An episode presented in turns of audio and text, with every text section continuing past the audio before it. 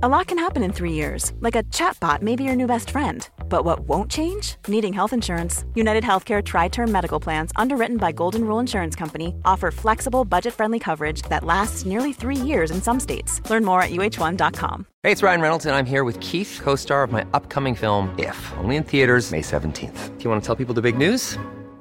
All right, I'll do it. Sign up now and you'll get unlimited for $15 a month in six months of Paramount Plus Essential Plan on us. Mintmobile.com slash switch. Upfront payment of $45 equivalent to $15 per month. Unlimited over 40 gigabytes per month. Face lower speeds. Videos at 480p. Active Mint customers by 531.24 get six months of Paramount Plus Essential Plan. Auto renews after six months. Offer ends May 31st, 2024. Separate Paramount Plus registration required. Terms and conditions apply if rated PG. Quality sleep is essential. That's why the Sleep Number Smart Bed is designed for your ever evolving sleep needs. Need a bed that's firmer or softer on either side? Helps you sleep at a comfortable temperature? Sleep Number Smart Beds let you individualize your comfort so you sleep better together. JD Power ranks Sleep Number number 1 in customer satisfaction with mattresses purchased in-store. And now, save 50% on the Sleep Number limited edition Smart Bed for a limited time. For JD Power 2023 award information, visit jdpower.com/awards. Only at a Sleep Number store or sleepnumber.com.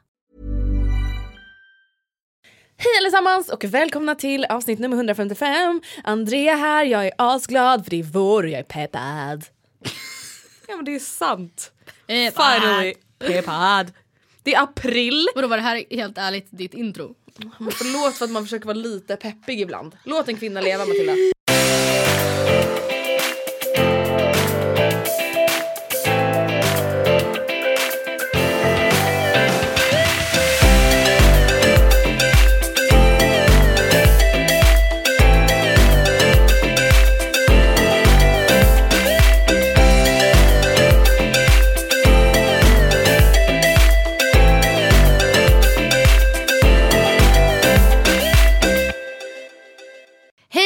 Allesammans och välkomna till avsnitt 155, så är det rätt nu? Ja. Avsnitt nummer 155, take two. ja sorry. Det är sorgligt men sant men för typ första gången i poddhistorien, våran poddhistoria, så har vi spelat in ett avsnitt Ja, faktiskt. Och sen bara, det här går inte. Alltså vi spelade, idag är det måndag och vanligtvis brukar vi spela in eh, liksom veckans avsnitt kanske torsdag, fredag. Kanske till och med lite tidigare för att hinna redigera eller klippa den och få upp den och bla bla bla. Men vi spelade in ett avsnitt, mm, ja, fredags var det Ja. Och vi, alltså jag kände under tiden, jag bara det här det bara, alltså det bara eskalerar. Det blir bara sämre och sämre och sämre. Och det känns som att vi, typ, hade- vi hade förberett ett varsitt ämne typ och så hade vi liksom ingen... Vi, vi, Vi visste inte ens vad vi ville ha sagt. Nej och sen så skrev jag till dig i lördags, jag bara Andrea, för det var jag som skulle klippa det. Andreas jag lyssnade igenom avsnittet nu och det känns inte bra. Alltså, jag tror, alltså, och jag ville inte säga ordagrant kan vi spela in ett nytt avsnitt för att vi har ganska mycket nu i och med inspelningen av eh, Var femte kvinna igång. Så jag bara, ah, det är så olagligt men alltså det, är- vi fick inte igång ett bra snack alltså. Och du bara herregud jag tänkte precis smsa dig och fråga om vi inte kunde spela in ett nytt avsnitt. Så Ja. Nej men jag kände så här, ja men ibland så här, det blev bara inte bra. Nej, alltså men- jag vet inte nej. hur man ska förklara exakt vad det var men det var typ som sagt vi hade förberett varsitt ämne och så blev det typ att så här, ingen av oss hade förberett oss egentligen typ ordentligt. Nej. Vi visste inte riktigt vart vi ville komma med det vi skulle ta upp. Och så hade jag typ inte riktigt satt mig in i ditt ämne ordentligt och du hade inte satt dig in i mitt ämne och då blev det typ som att vi höll varsin liten monolog på typ så här, sammanlagt sex och en halv minut. Jag vet och sen så vart vi liksom tysta och liksom bara flamsade i 10 minuter så jag bara alltså det här kommer bli typ så här 27 minuter dåligt material. Och sen en, någonting som var ännu mer obehagligt var att alltså, vi skulle ta upp en sak som några andra hade tagit upp Mm. i deras podd. Alltså vi skulle diskutera för att vi så här, höll med och höll inte med och bla bla bla. Sen så kommer de hit till kontoret Mm. och står precis alltså, utanför den här glasboxen där vi spelar in när vi ska prata om dem. Och det var inte att vi skulle snacka skit om dem men det blev bara så här sjukt obehagligt. Ja vi bara men gud det känns jättejobbigt att prata om dem när de står liksom så en meter ifrån mig på andra sidan ska vi glaset. bjuda in dem? Ja, nej det blev, bara, nej, det blev inte bra så att vi kör en take two. Ja, Och så vi har bytt ämne helt. Ja, det för... bye bye. Hej då. Do not exist anymore. Men om vi bara kör en liten life update. Det känns som att vi var, det var länge sedan vi pratade om vad som händer i våra liv. Ja okej vad händer Det är vår, Ja. jag fyller snart år och jag kommer inte fälla en enda tår. Lilla poet. Nej men jag är faktiskt väldigt taggad på livet känns det som. Härligt. Och vi har ju precis haft vår första inspelning till Var femte kvinna och det kändes skitbra. Så att jag, alltså, jag vet inte, det känns bara som att så här, nervositet har lämnat min kropp. Vi var lite nervösa inför en inspelning. Delvis för att eh, det var den första vi gör i Var femte kvinna men också för att vi har i historien fått lite konstruktiv kritik konstruktiv. på vårt sätt att intervjua. Vi, det, alltså jag vet inte varför, det är verkligen inte med flit och det låter så hemskt när jag säger det men vi har typ tagit för mycket plats i intervjuerna. Folk och, bara no shit. Ja men och jag vet och det är så hemskt när man säger det för att man bara men herregud varför måste du snacka om dig själv typ den enda gången ni har någon annan som kan prata. Och ändå så har det liksom blivit så och det är jättepinsamt och därför var jag också lite nervös för att vi skulle bara go there again. Mm. Men det känns verkligen, jag tror verkligen inte att ni kommer kunna säga någonting om det den här gången för att vi Eh, vi höll oss i bakgrunden. Ja verkligen och det vart därför också väldigt bra tror jag. För att vi, ja. hon som vi hade gästades av hade väldigt mycket bättre saker att säga än vad vi hade. Liksom. Precis. Nej men det kändes jättebra så att jag är på bra humör själv.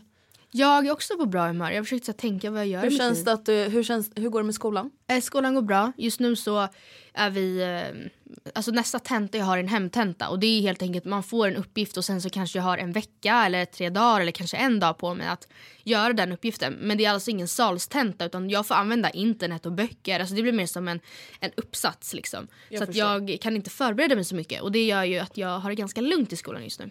Skönt. Mm. Men du, den här veckan, i och med att vi bara eh, panik, det här avsnittet sög, vi behöver ett nytt. Mm. Vi bara, men gud vi liksom får panik, vad ska vi ta upp för ämne? Men då kom ju vi på den briljanta idén att, vänta. Vi har fått några mail under årens gång, eller vad man nu ska säga, som har ja. varit lite så här, det här skulle vara fett roligt att ta upp men i vilket sammanhang? Mm. Alltså just att okej okay, men vi, har ju, vi gör väl inget avsnitt om lögner om graviditeter till exempel. Men sen så kommer vi på att det som de har gemensamt är att de är lite så här, uh, lite crazy. Ja, typ. Lite biktliknande. Ja, så det här avsnittet heter därför Bikten. Bikten. Eh, även kallat kanske våra sjukaste mejl. Jag vet fast jag vill samtidigt inte bara såhär, de är sjuka, ni kommer trilla av alla stolar. För att alltså det är inte så. Alla? Alla stolar, stolar kommer ni trilla av. Nej, eh, jag vill heller inte liksom, ge falska förhoppningar men det här är mail som kanske är åt det, lite, åt det extremare hållet. Precis. Och vi bad även eh, er idag, alltså när vi spelar in, att mejla oss om ni känner att ni har någon sån här historia. Och eh, ja, då tänker vi bara att vi läser upp dem helt enkelt ja. och går igenom dem. Och vissa innehåller ju även lite frågor som vi, då, ja, som vi ska försöka svara på. Ja. Mail nummer ett. Ska jag läsa eller vill du läsa? Jag kan läsa. Okay. Jag om att jag var gravid lyder ämnesraden. Mm -hmm. Det låter ju väldigt smaskigt. Mm. Nej men alltså här, det här är typ det sjukaste ever. Mm. Eh, det kanske är många som alltså, har gjort det här. Jag har typ aldrig ens hört talas om alltså, en människa som på riktigt har gjort det här. Men i alla fall. Hej på er! Jag blev så glad när jag såg att ni skulle ha ett avsnitt där vi lys lyssnare fick bikta sig. Och då kände jag att jag måste få lätta på mitt hjärta. Ni kommer nog förstå varför jag inte har berättat om detta för någon. Mm. Varför blir jag alltid andfådd när jag ska läsa upp mejl? Ingen vet. Ah, ja.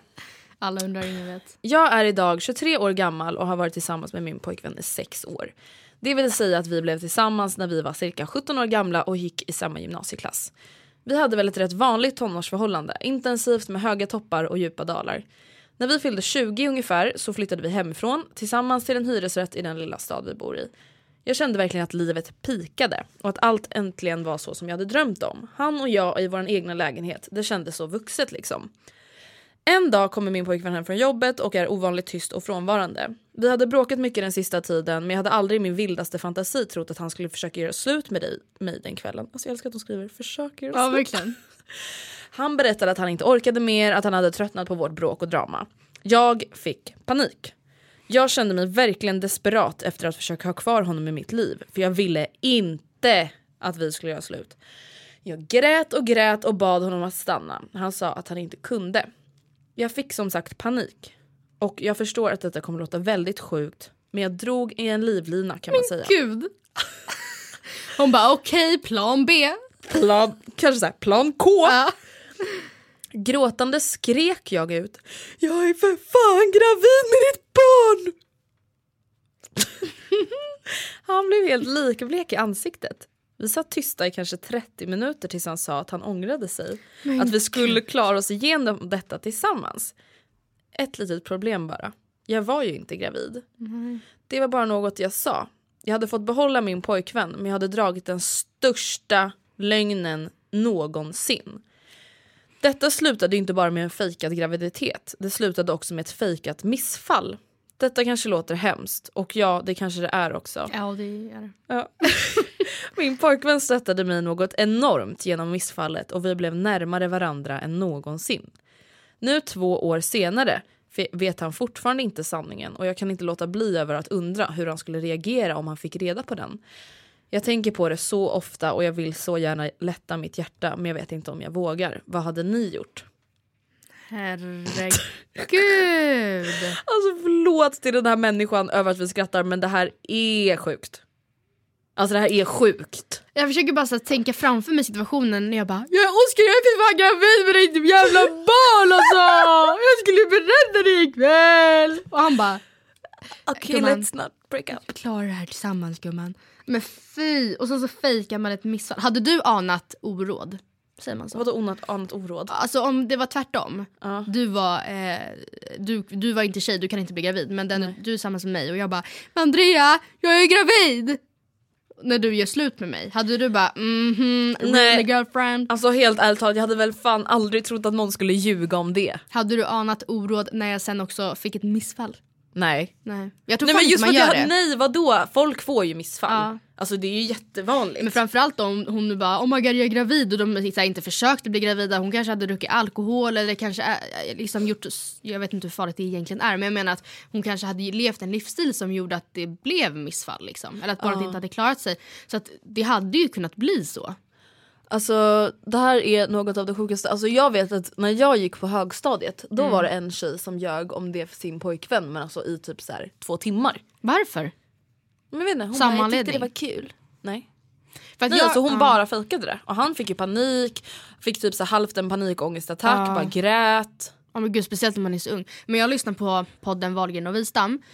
Och eh, de, har, de har faktiskt en, en eh, liksom, återkommande del i sin podd som heter just Bykten. Ja. Där eh, folk då får lätta sina hjärtan. Och det var en tjej, eller en kvinna, som hörde av sig och skrev att hon för x antal år sedan, typ åtta år sedan, hade hon var tillsammans med sin eh, även nuvarande man.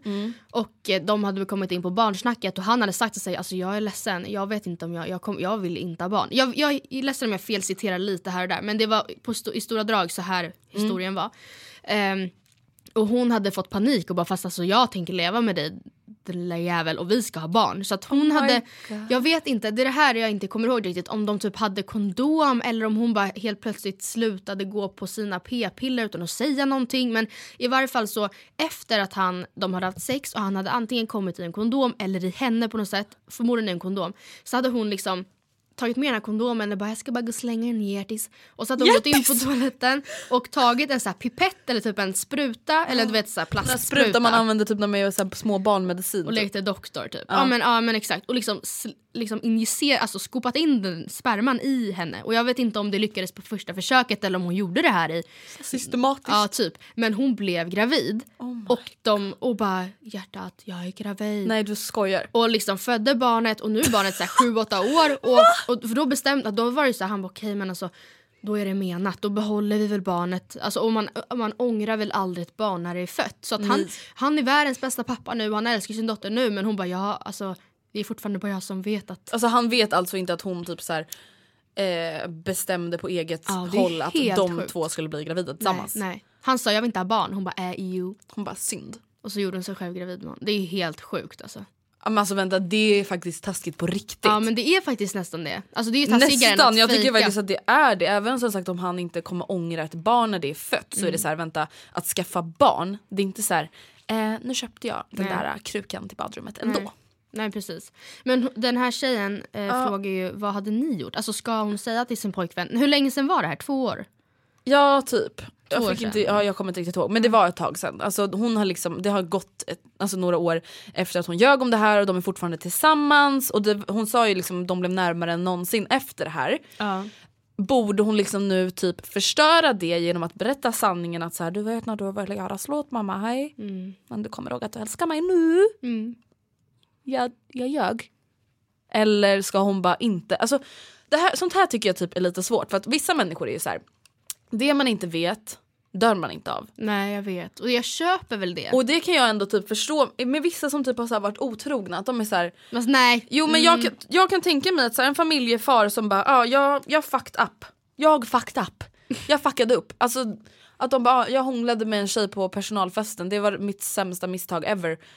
Kommer någonting bli bättre av att jag berättar det? Ja men vadå? Så du menar att då ska den där mamman fortsätta och bara Åh lilla gubben jag, har- jag har lagat middag till dig hjärtat. Alltså jag tycker Ja men nej, jag förstår ändå att folk tänker så för att det är fortfarande en enklare utväg. Ja det är det kanske. Alltså förstår du, just att till exempel i det fallet, så här, okej ska de splitta hela familjen, ska de nu skilja sig för att han har gjort alltså, ett stort men ändå relativt litet misstag och liksom men, ja, men jag, vet, jag vet folk som har sagt det, så här, jag hade mått bättre av att bara inte veta det. Ja. Till exempel jag har en kompis som vars pojkvän berättade att han var otrogen mot henne efter att de gjorde slut. Ja.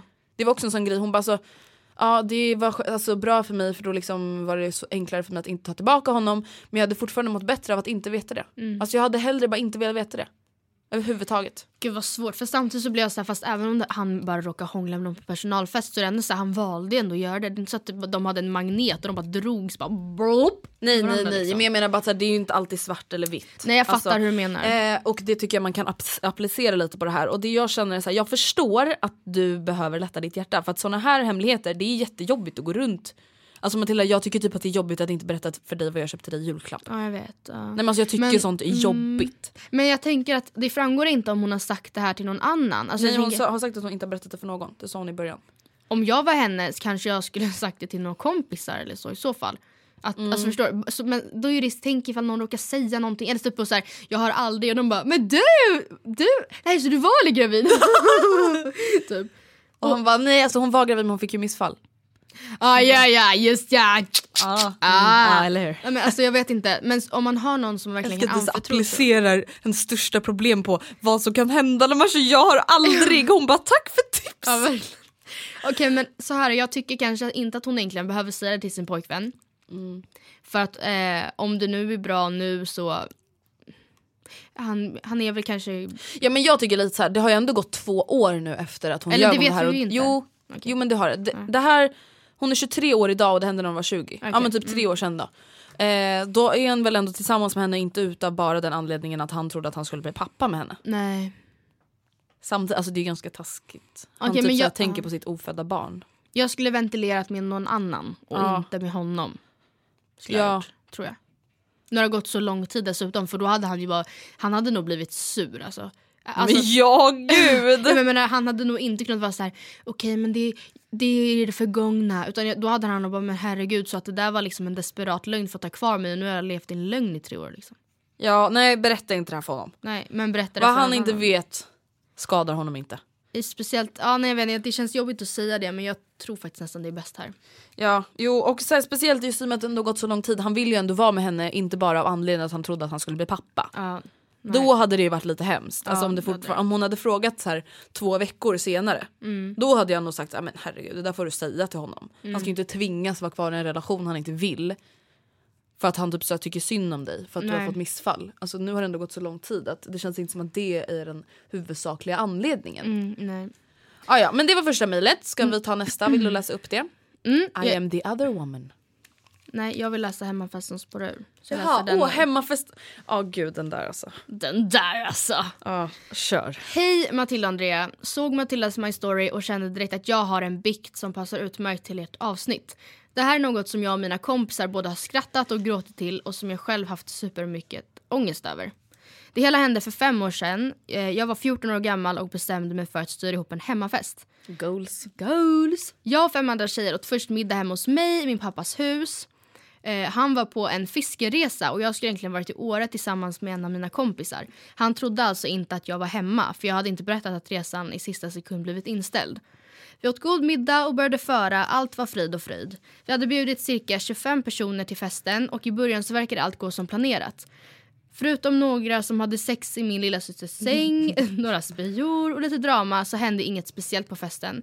Jag hade dessutom lyckats tajma in en kväll då mina grannar inte var hemma. Så ingen visste att festen hade ägt rum. Pappa kom hem från sin resa och började ett par dagar senare mumla att han inte hittade sin Rolex. Alltså, nej, sin eh, liksom, märkesklocka alltså. Han hade ärvt den från sin farfar och den var värd över 200 000 kronor. Nej, nej. Jag kopplar först inte ihop händelserna men ytterligare ett par dagar senare frågar pappa om jag tagit hans vinflaska i garderoben.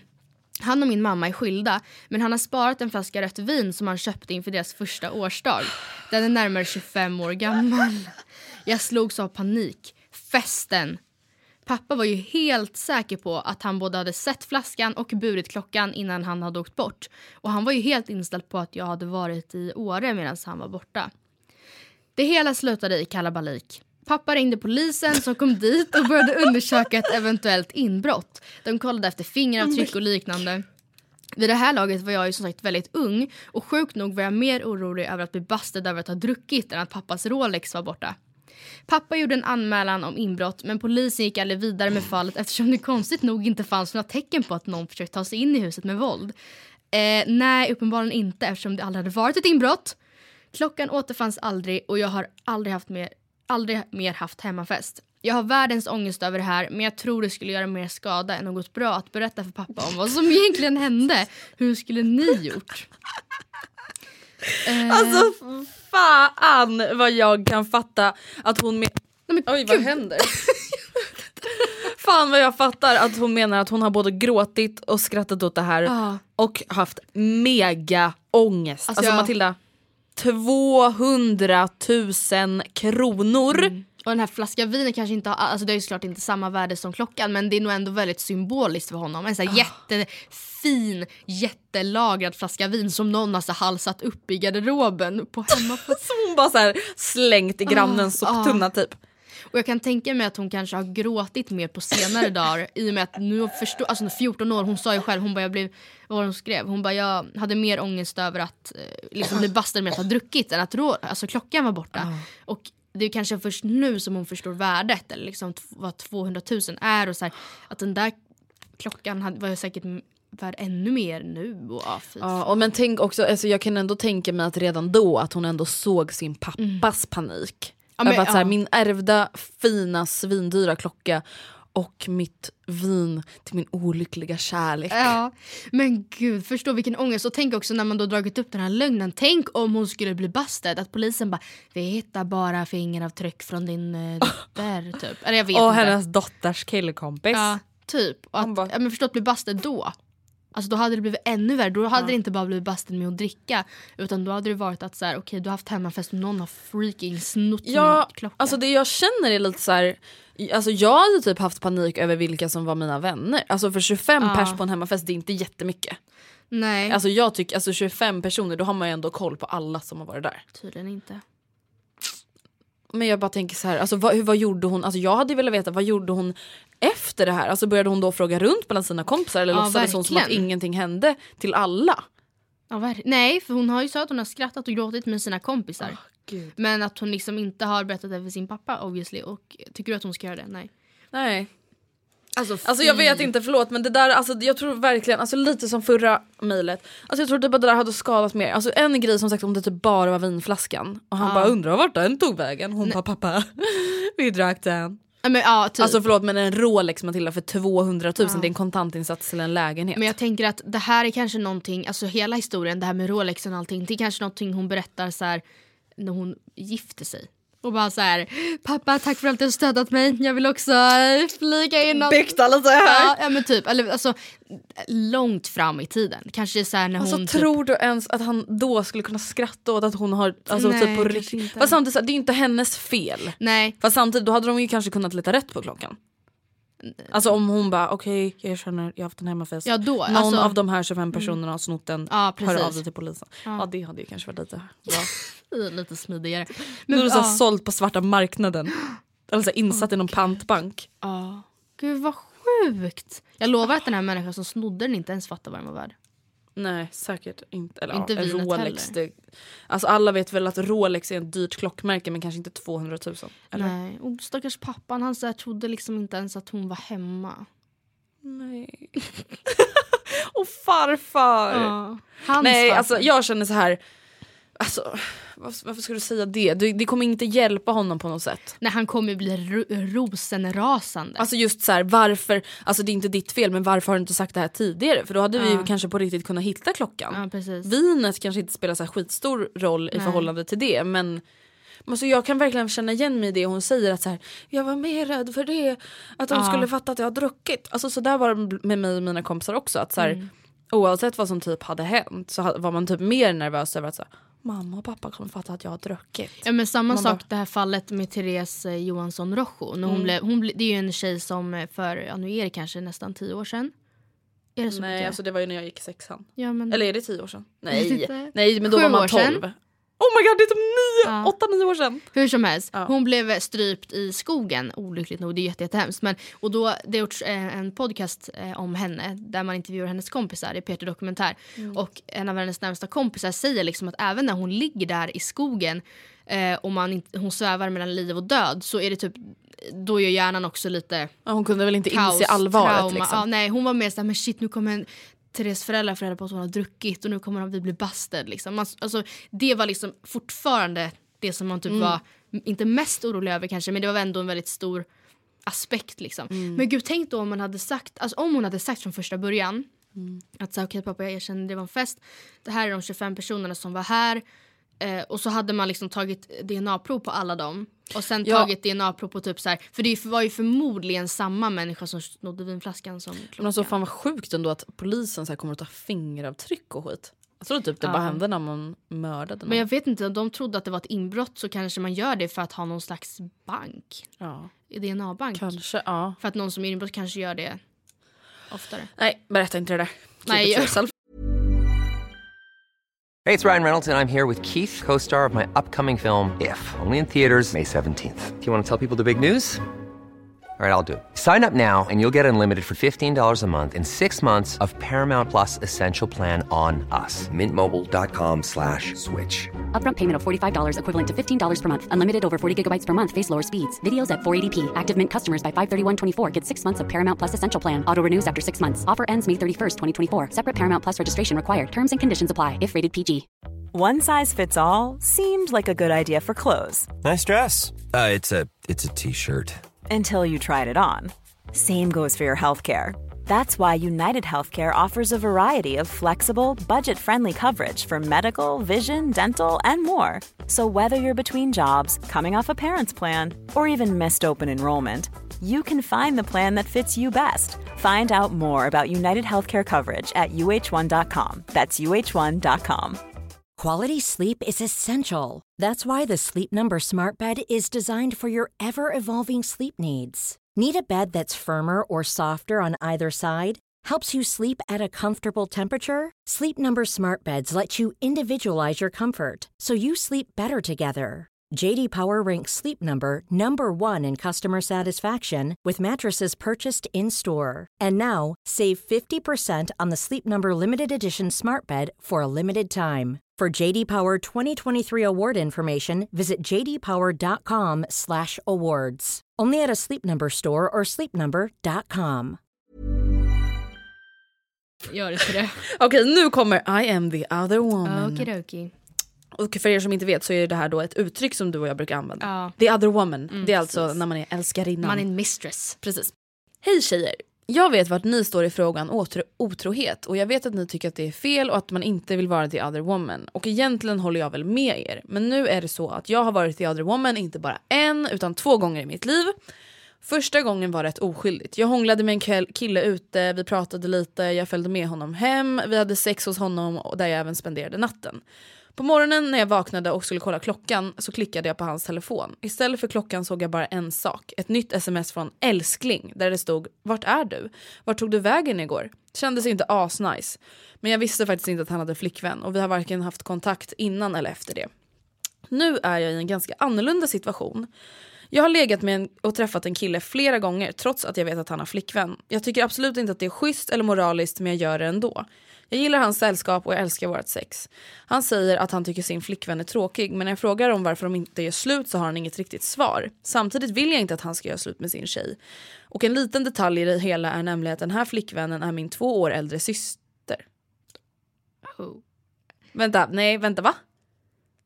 en liten detalj i historien är alltså- att den här flickvännen är min två år äldre syster. Hon bara, jag gillar hans sällskap, jag älskar vårt sex. Det här är inte moraliskt men jag, jag, vill inte honom. att, jag vill inte att han ska göra slut med sin... Vänta va? Alltså, har vi fattat det här riktigt? Är det, är, alltså vänta nu fattar jag ingenting.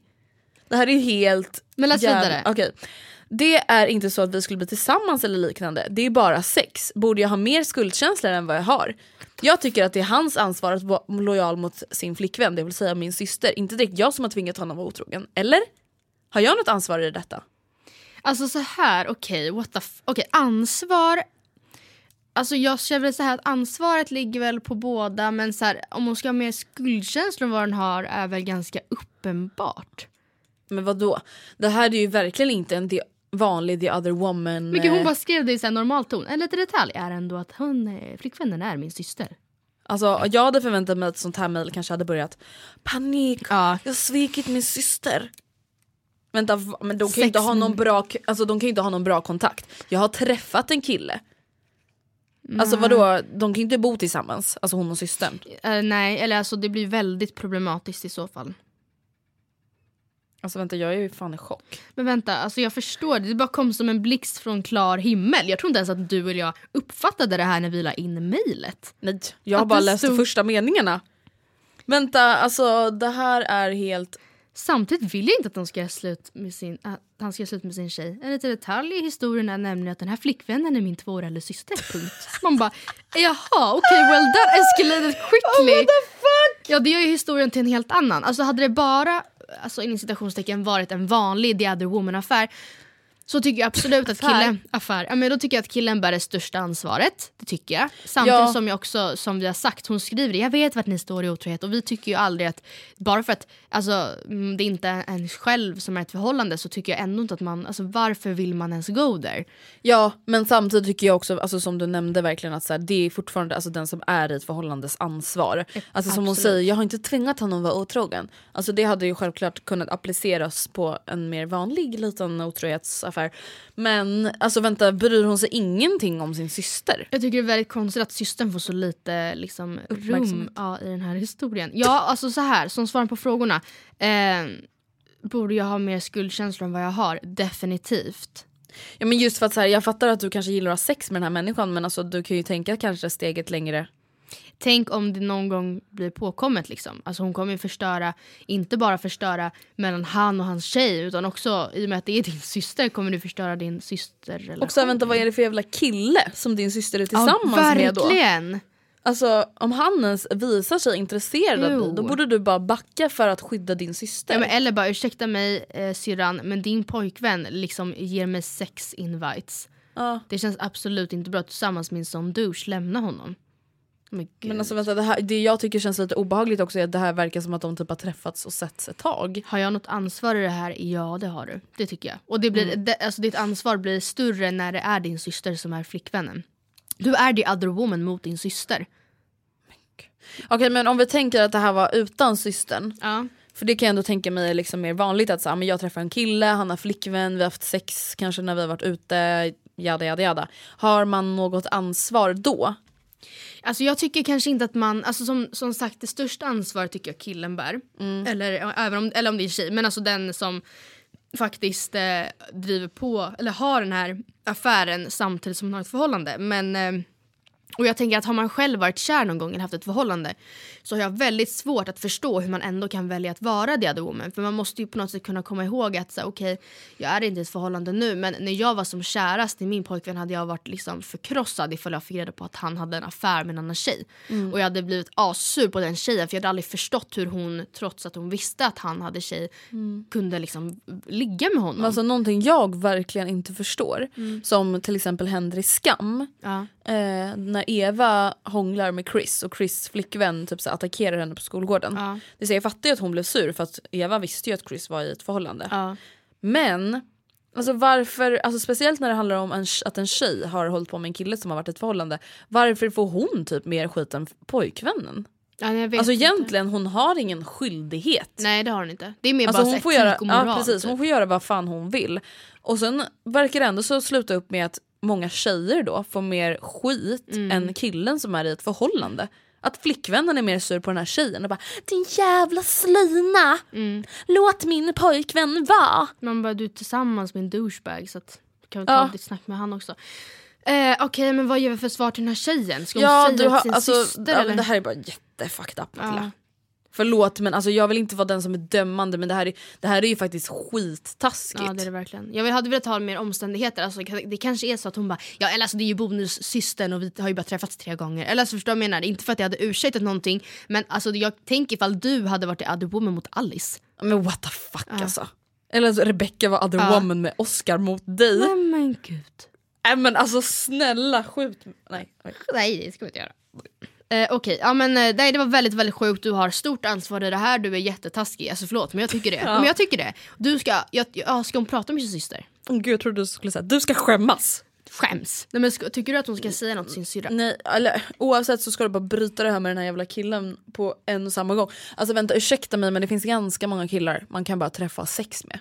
Om hon nu inte ens vill vara tillsammans med honom, hon är inte ens kär i honom, då är det Nej. ännu mer fucked up. Ja.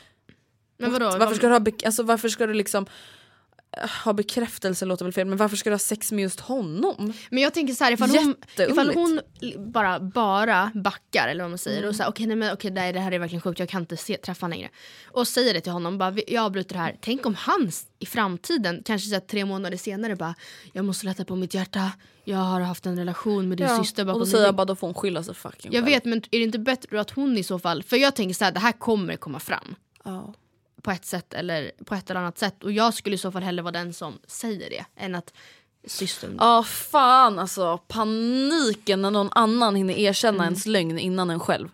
Det har man ju varit med om en och annan gång. Alltså inte dock med otrohet men alltså du vet sen när man kanske har ja, men bråkat med någon eller snackat skit om någon när man var yngre och så bara fan du skulle inte säga det till henne Ja. eller du skulle inte berätta det där och man bara ah, panik. Ja verkligen. Ja, nästa meddelande som vi har fått. Eh, det lyder hatmeddelande till min BFF. Okej. Hej Matilda och Andrea och tack för en fantastiskt bra podd. Jag har en sak som jag verkligen Hjälp vad det blev. Jag har en sak som jag verkligen inte berättat för någon. Det är en grej som tynger ner mig än idag och jag ångrar det mest av allt i hela världen. När jag började högstadiet så separerades jag och min bästis från varandra då jag skulle börja på en annan skola än henne. Vi sa att vi ändå skulle fortsätta umgås som vi gjorde förut bara att vi inte sågs i skolan. Hon var verkligen min bästa vän och jag hade ingen annan som jag älskade så mycket och litade på så mycket som henne. Men ju längre högstadieperioden hade kommit desto mer tappade vi kontakten och jag insåg att min bästa vän hade börjat umgås mer och mer med en tjej. Vi kan kalla henne Maja. Den där Maja hade varit bästis med min bästis innan hon och jag blev bästisar. Vänta, okej så Maja och kompisen de var vänner liksom förut. Och sen så blev hon som skriver och kompisen liksom bästisar. Eh, och jag hade länge känt att hon försökte ta min bästis ifrån mig. Alltså Maja. Eh, Så när jag gick ungefär åttan så märkte jag att min bästis prioriterade Maja mer än mig och det gjorde mig sårad. Så jag valde att skriva till både Maja och min bästis på ask.fm. Jag ville få det att låta som att jag var en person på deras skola som hade märkt av att de klängde en massa på varandra. Så jag kunde skriva saker som Men gud, tycker inte du Maja är jobbig när du klänger på henne så mycket? Eller alltså gud, jag går på samma skola som du. Shit vad du och Maja klänger mycket på varandra. Testa att umgås med andra människor också. Eller alltså hur kunde du ens umgås med Maja? Hon är så ful och så dum i huvudet. Alltså det här är verkligen inte kul. Eh, eller slutligen, tror du verkligen att Maja vill vara med dig när du ser rätt tråkig? Men en dag skrev min bästis till mig och konfronterade mig angående att det kanske var jag som skrev de här elaka sakerna på Ask FM. Men jag nekade och vågade inte erkänna att det var jag. Innerst inne ville jag bara att hon skulle umgås med mig. Jag menade ju inget illa. Men jag vågade inte prata med henne om det här. Idag går jag i tvåan på gymnasiet och det sitter fortfarande fast i mig hur jag kunde skriva en massa elaka saker till min bästa vän. Som även är min allra bästa vän än idag. Jag ville skriva detta till er för att nå ut till fler om att skriva anonyma hatmeddelanden inte något man ska skämta om. För i slutändan kommer du inte få ut något av det och du kommer bara må dåligt av det. Matilda och Andrea, vad ska jag göra? Ska jag prata med min bästis eller inte? Ska jag verkligen erkänna det för henne? Alltså gud jag, alltså jag tycker det är så roligt just det uttrycket hon använder sig av det här med hon försökte ta min bästis ifrån mig. Alltså jag kommer verkligen ihåg för det var typ lite så man kände tycker jag när man gick på högstadiet att hon tar min bästis. Men Man bara din bästis man har tänk- egen fucking vilja. Ja, alltså, ja men precis, man tänker liksom inte på att, alltså det handlar ju, det grundar sig i att man inte, uppenbarligen inte är säker på varandras vänskap. Jag menar skulle, skulle jag skulle du börja i en ny skola och hitta en kompis som du umgås med på dagarna och därmed lär känna bättre och börja umgås mycket med så skulle inte jag bara oh my god de försöker ta min bästis ifrån mig. Eller ens se det som ett hot. Då skulle jag väl bara säga men härligt att min kompis har fått en till kompis. Men Ja samtidigt så fattar jag ändå vad hon menar just med att hon prioriterar den nya kompisen Ja. med, eller den gamla eller hur man nu ska eh, Maja. Ja, Maja. Hon, hon eh, är mer med Maja, hon eh, typ gillar Maja mer verkar som. Alltså då kan jag ändå fatta att så här, alltså, till exempel du på universitetet. Mm. Jag skulle ju aldrig någonsin bli ledsen eller sur om du hittar nya vänner. Men det, jag skulle ju bli ledsen om det resulterade i att du inte ville träffa mig lika mycket. Men jag tycker bara det är väldigt konstigt att man känner den här aggressionen och istället för att prata med sin kompis om det här så skriver man anonyma hatkommentarer på AskFM. Och grejen är att det här tycker jag aldrig är försvarbart. Alltså kanske framförallt för att du och jag får inte, kanske inte utstå så mycket hat som många andra som också har bloggar och, och ja, sociala medier så. Men vi får ju ändå en del. Och det är liksom superjobbigt att, alltså för att man inte vet vart det kommer ifrån. Eh, och det är aldrig kul, vare sig det är från någon som man inte känner eller om det är någon man känner, att höra negativa saker om sig själv. Så jag tycker verkligen inte att Alltså hade någon skrivit det här på din blogg om mig hade jag blivit skitledsen. Ifall någon bara “men alltså hur kan du ens umgås med Matilda? Hon är så ful och så dum i huvudet”. Alltså jag hade blivit nej, jätteilla nej vid det är ju verkligen inte okej. Men sen så här, det här är inte, alltså det här, jag vill inte förminska det heller men man får ändå tänka på att de var 14. Fast Alltså det är Andrea- inte okej men det är fortfarande så här, jag kan ändå tänka att det är någonting som typ någon i min årskurs när vi var 14 hade kunnat göra. Fast, ja, fast Alltså, jag nu är det tro helt- att jag inte hade gjort det. Alltså jag, eller jag vet inte. Matilda du skrev ju taskiga saker till någon på stallet. Ja. Jo du gjorde ju det för att du tyckte att den var med din häst för mycket eller vad det var. Men det var, ja, jag vet, jag menar verkligen inte försvara det nu men det var ju en konfrontation för jag skrev ju med min, mitt namn och min liksom, e-post. Det var inte en anonym kommentar. Och sen då när, jag, när hon får frågan, ursäkta eh, gumman är det du? Gumman! Tror hon sa sådär, eh, ursäkta, det gumman. du som skriver hatkommentarerna på min och Majas ask? Hon bara eh, nej. Ja, alltså nej jag tycker verkligen inte att det är okej, det är inte så jag menar med men jag menar bara att så här, det här, jag tror att många känner igen sig från den här unga tonåringen när man är väldigt osäker.